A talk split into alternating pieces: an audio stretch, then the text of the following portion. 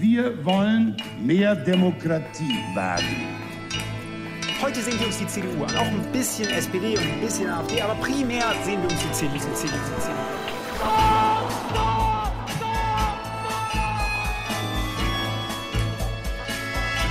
Niemand hat die Absicht, eine Mauer zu errichten.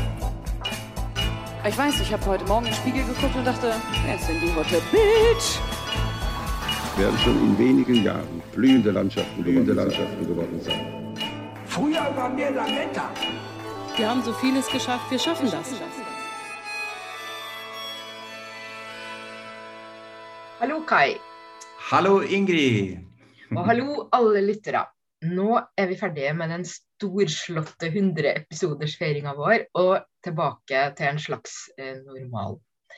Og Dette er altså episode 101, og vi skal selvfølgelig snakke om politikk. Det er jo bare ti dager til valget. Men først må vi oppdatere litt om oss selv. Kai, du må begynne. Fortell hvor du er og hva du gjør. Ja. Eh, Jeg er kanskje så langt borte fra den dagsaktuelle politikken som det går an å vare.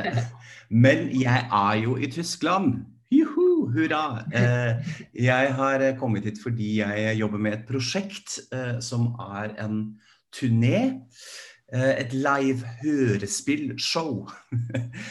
Som var også veldig, en veldig rar tysk ting, men det skal vi ikke forklare så mye om nå. Dette er et prosjekt som jeg har jobbet med i mange år, også i den tiden før jeg kom til Norge.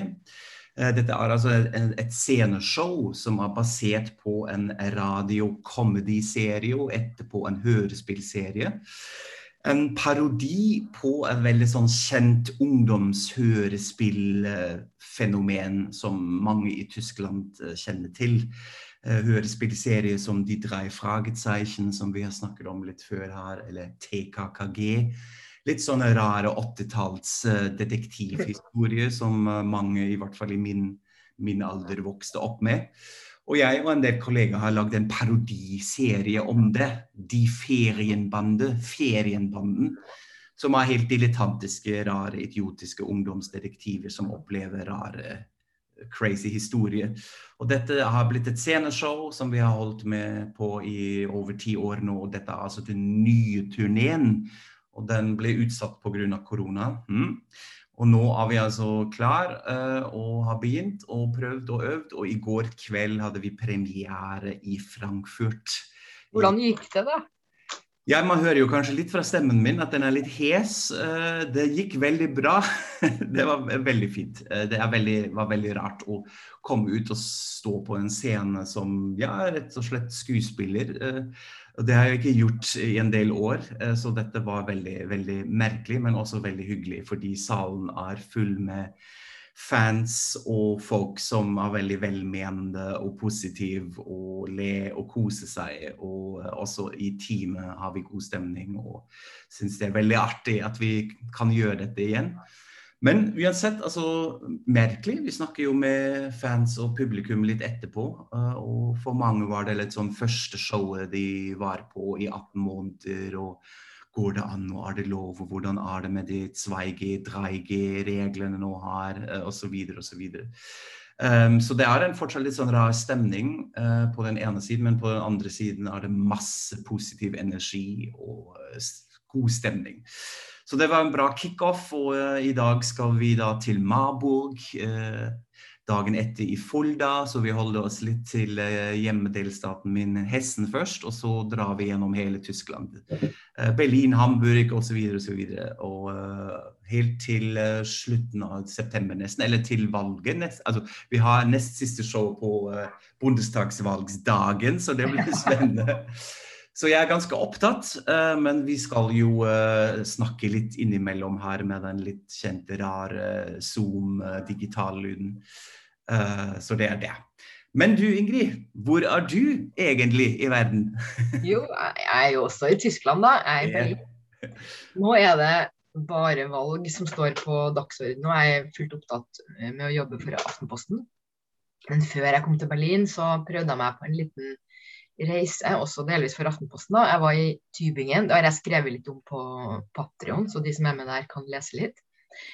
Og så dro jeg til Rheinland Fals og en liten bl.a. en landsby som heter Ki- Kirchheim Bolanden. Mhm. Em, og det var grunnen til at jeg dro dit, var fordi at uh, der stemmer de gjennomsnittlig. Altså de siste fire valgene um, har, har de stemt der sånn som resultatet ble i forbundsdagsvalget. Og det som var så rart, det var litt sånn Når jeg kom dit, så tenkte jeg men hva, hva er det liksom jeg tror jeg skal se her, da? For det, jo ikke, det er jo ikke det at det er noe å se, eller det er jo bare en slags tilfeldighet, eller ja. Men det var en veldig fin liten eh, lite sted. Fin liten, de har en liten gamleby som er stengt for biler. De har to iskafeer, en kaffebar, noen italienske restauranter, et lite slott, en park. ja. Så det var litt sånn, jeg tusla nå litt rundt og lurte på hva jeg hadde tenkt. Og så um, snubla jeg over noe som jeg ja, jeg tenkte det, er dette det mest typisk tyske jeg noen gang har sett? Og det var nemlig et armbad.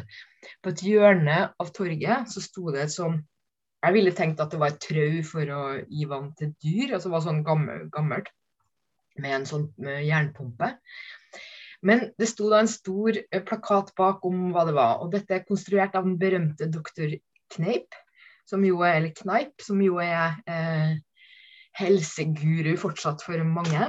Eh, og på plakaten så sto det detaljert bruksanvisning, og det var det som fikk meg til å altså, Det var veldig trist å være der alene, for ellers så kunne jeg liksom lagt meg ned og ledd, men det, var, det kunne jeg jo ikke. Men måten man gjør det på, er altså at først så må du være varm. Altså du må ha gjort litt sport eller noe. Um, og så skal du putte armene nedi dette badet til sånn midt på overarmen. Etter noen sekunder blir du da kald. Og så skal du ta opp armene og så skal du børste av vannet, men ikke tørke sånn ordentlig. Men de skal lufttørke mens du beveger dem. Jeg skal dele bilder på Facebook av dette. Men dette er altså Ja. Eh, tenk det. Så da Jeg gjorde det jo ikke, da, for jeg var jo ikke varm og hadde ikke eh, sportsklær, eller hva man trenger. Men Ja, det, det, det er veldig interessant. Og for meg er dette som du sier, det er veldig typisk tysk for meg òg. Det er litt sånn rar, og det er en sånn 1900-talls Ja. vibe over sånn, sånn i sanatorier, oppi et fjell, så kommer borgerskapet og eh, legger inn armer i en sånn ting. Dr. Kneip går rundt og kontrollerer om alt er bra. Så ja, det var rart. Så du har klart å glede deg over noe annet enn politikk, da, i hvert fall. ja da, så vidt det er. Men der kom du jo heldigvis med stikkordet, da. Så, så jeg kan jo begynne med å oppsummere litt hvordan det står til på meningsmålingene akkurat nå. Og der har eh, sosialdemokratene eh, ser ut til å ha stabilisert seg. De gikk jo liksom opp og opp og opp eh, en stund nå. Nå ligger de på sånn 25 Um, og unionspartiene, altså CDO og CSO, de var nede på 20, som jo er Altså, i siste, siste valg var det nest dårligste de noen gang har hatt. Da endte de på 32,9. Så det å ligge på 20, det er liksom Det er så sjokkerende at jeg tror nesten ikke de klarer å forstå det. Eh, men nå ser det litt ut som det går opp igjen. Det kom en måling i går som hadde dem på 23. Eh, så det kan jo hende at man her ender på et resultat som er like tett som da Angela Merkel ble kansler for første gang i 2005. Da var det nemlig bare ett prosentpoeng som skilte de to. Sosialdemokratene fikk 34,2 og Kristeligdemokratene 35,2. Så nå ligger det jo 10% under begge to, men det er enormt eh, spennende, må jeg si. Det kan bli en veldig lang valgnatt og ukene og månedene, kanskje. Men hvordan har CDU snudd denne nedgang, da? Det er litt vanskelig å si, men har, jeg tror det har noe med at de har jo veldig mange trofaste kjernevelgere. Så det er en slags grense for hvor mange som svikter i nødens stund. Og vi, vi ser også nå at aldri før har så mange velgere vært usikre så tett opp til valgdagen. Så det er kanskje en del som bare tenker nei, jeg må bare vende tilbake til CDO likevel. Og jeg har også lurt på om det nå har blitt gjort så mye narr av Larseth og, og hans elendighet at det tipper litt over. Altså at folk syns det blir for mye, og så får de heller sympati. Jeg vet ikke. Og under den her såkalte triellen, altså det skal være det er tre trieller, da, altså de tre kanslerkandidatene møtes til debatt. Eh, eh, tre spredd over tid, og den, eh, den nummer to var på søndag som var.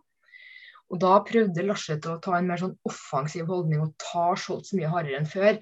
Kanskje fordi han skjønner at han har ingenting å tape. Altså det er liksom, Han kan bare vinne nå. Det kan bare gå ja.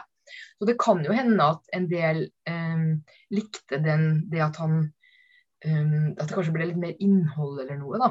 Uh, og at han, han Det ble ikke som om han bare svever rundt og tar det som en selvfølge at han skal overta arven etter Merkel, men det ble litt mer sånn uh, Du så at han hadde litt uh, guts, da, kanskje. Mm.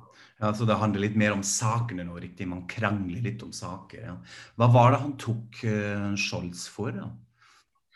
Jo, eh, Scholz har jo for første gang nå gitt motstanderne litt eh, angriffsflesje. Det er så bra tysk uttrykk. altså det.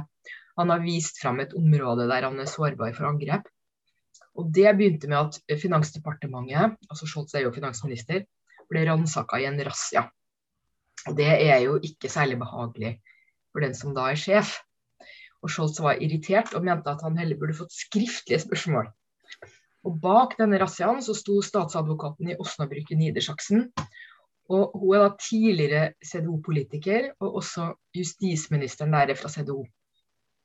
Så Derfor så prøvde eh, SPD å kommunisere at razziaen kan ha vært politisk motivert.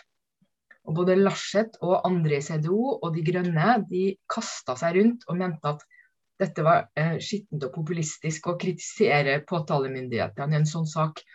Altså Det er sånn man driver med i Ungarn og Polen, prøver de å si. da. Og det er jo et, eh, et slags poeng. Og litt en gavepakke i en valgkamp, selvfølgelig. Men har Scholz gjort noe? Altså I denne saken så tror jeg ikke det er noen som mener at han egentlig har gjort noe. fordi etterforskninga handler om en egen instans eh, som er underlagt Finansdepartementet, men hvor Scholz ikke egentlig har eh, noe slags eh, daglig ansvar eller noe sånt. Eh, de skal overvåke hvitvasking av penger, og man tror da, eller mistanken er at de eh, ikke har tatt informasjon fra tollmyndighetene på alvor, sånn at det kanskje finnes noe grums der. Og Det er veldig komplisert. Men eh, det de tar han for, er mer sånn måten han reagerte på. Men det, det som også er litt sånn skummelt for Scholz, det er jo at det gir anledning eh, til å trekke opp to gamle saker, der han kanskje kan bebreides litt mer. Og Den ene er den såkalte Cum-Ex-saken, som er en skandale fra da han var borgermester i Hamburg. Og en annen er denne Wirecard-saken. Og Der var det jo et eh, gigantisk eh, børsnotert selskap som kollapsa. Et selskap som viste seg å være ren svindel. Og Alt dette er egentlig for komplisert til at det får særlig kraft. Men det er klart at hvis motstanderne jobber hardt nå, så kan de kanskje gi noen en følelse av at Scholz ikke er så prektig som han fremstår. da.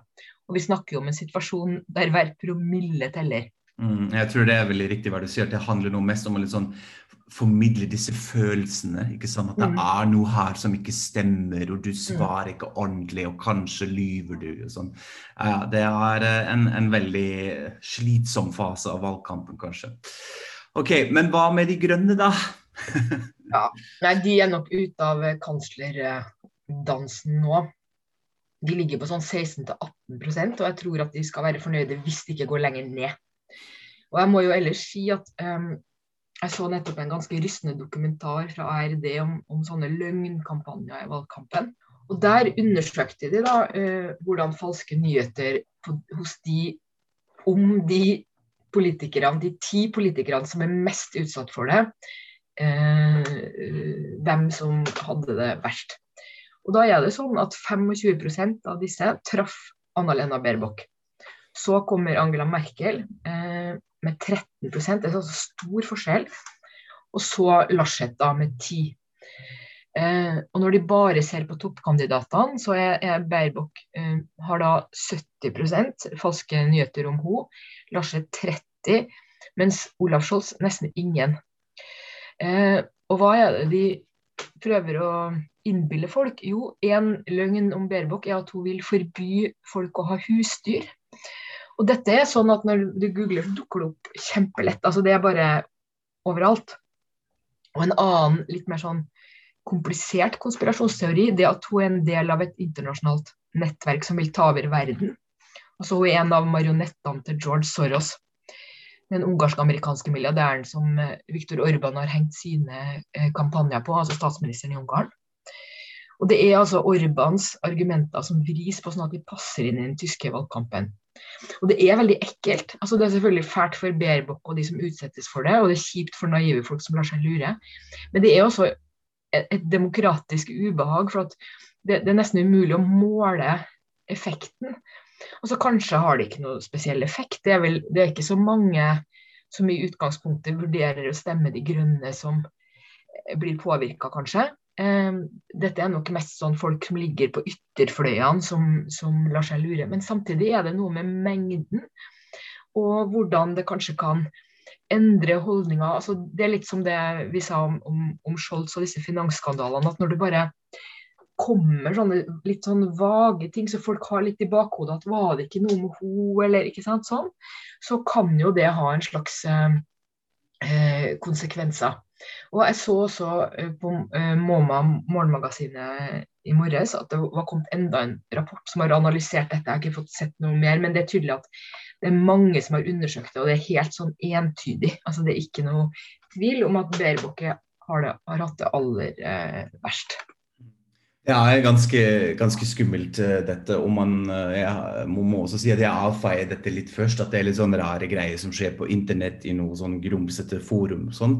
Men dette spres jo skikkelig. altså Falske nyheter og disse konspirasjonsteorier har en effekt. Jeg kan skyte inn en litt rar, kanskje litt ekstrem anekdote her, som jeg opplevde i Oslo for en del måneder siden etter jeg hadde byttet frisør prøvde en ny frisør og ble klippet av en egentlig veldig hyggelig dame hun var fra Albania og syntes det var litt stas at jeg er fra Tyskland og hun hadde vært og vi snakker litt om det. Men så sa hun plutselig Har du hørt at Angela Merkel er dattera til Hitler?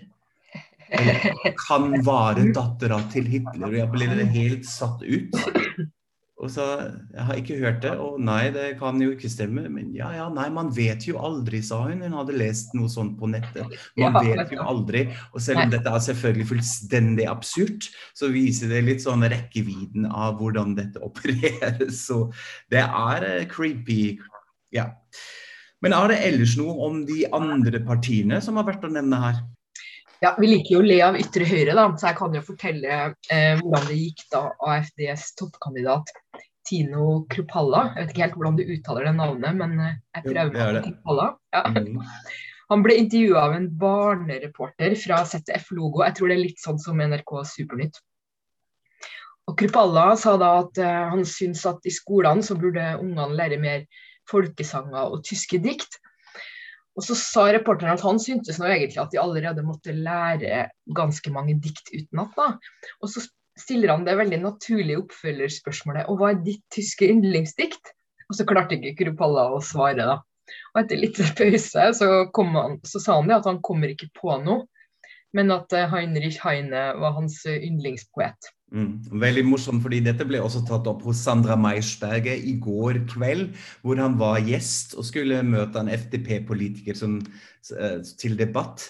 Og det var liksom siste spørsmålet. Så spurte han hva er yndlingsdiktet ditt, og kan du Heinrich Heiner, og kan du hele det diktet nå? Uh, og så skyter han FDP-politikeren inn og briljerte med et dikt han kunne, og så nekte Krupalla å videreføre, men sa sånn barnslig jo, jeg kan det, jo, jeg kan det jo. Så begynte Meiersberger å sitere dikt, og sier også jo, det handler jo faktisk også ikke om Tyskland, dette diktet du er så stolt av, men det handler om hans syke mor. Og så blir det en sånn diktdebatt hos Meiersberger. Eh, som både var litt absurd, men også litt gøy å, å, å ta han akkurat på denne saken her. Ja. Herlig, men det syns jeg er et passende punkt å bare runde av på. Og du skal altså på scenen igjen i kveld, Kai? Ja, i kveld blir det Marburg, eh, det som er i midt eh, Nordhessen. Så må vi jobbe litt med manus og gjøre en del sånn, siste tilpasninger som man alltid har etter premieren. Eh, så det blir litt jobbing nå. Jeg skal hoppe inn i det snart. Og så skal vi hoppe inn i turnébussen og kjøre litt på tyske Deutsche Autobahn. Men da sier jeg bare toi, toi, toi til deg. Du har lært meg at det sier man til teaterfolk som ønsker hverandre lykke til. Og du skal ikke si takk, for det betyr ulykke. Helt riktig. Men vi rekker en eh, episode til før valget, og i mellomtida så kan dere selvfølgelig følge oss på Instagram, på Facebook. Støtte oss veldig gjerne på Patrion. Takk for oss, og auf Wiederhøen. Auf Wiederhören.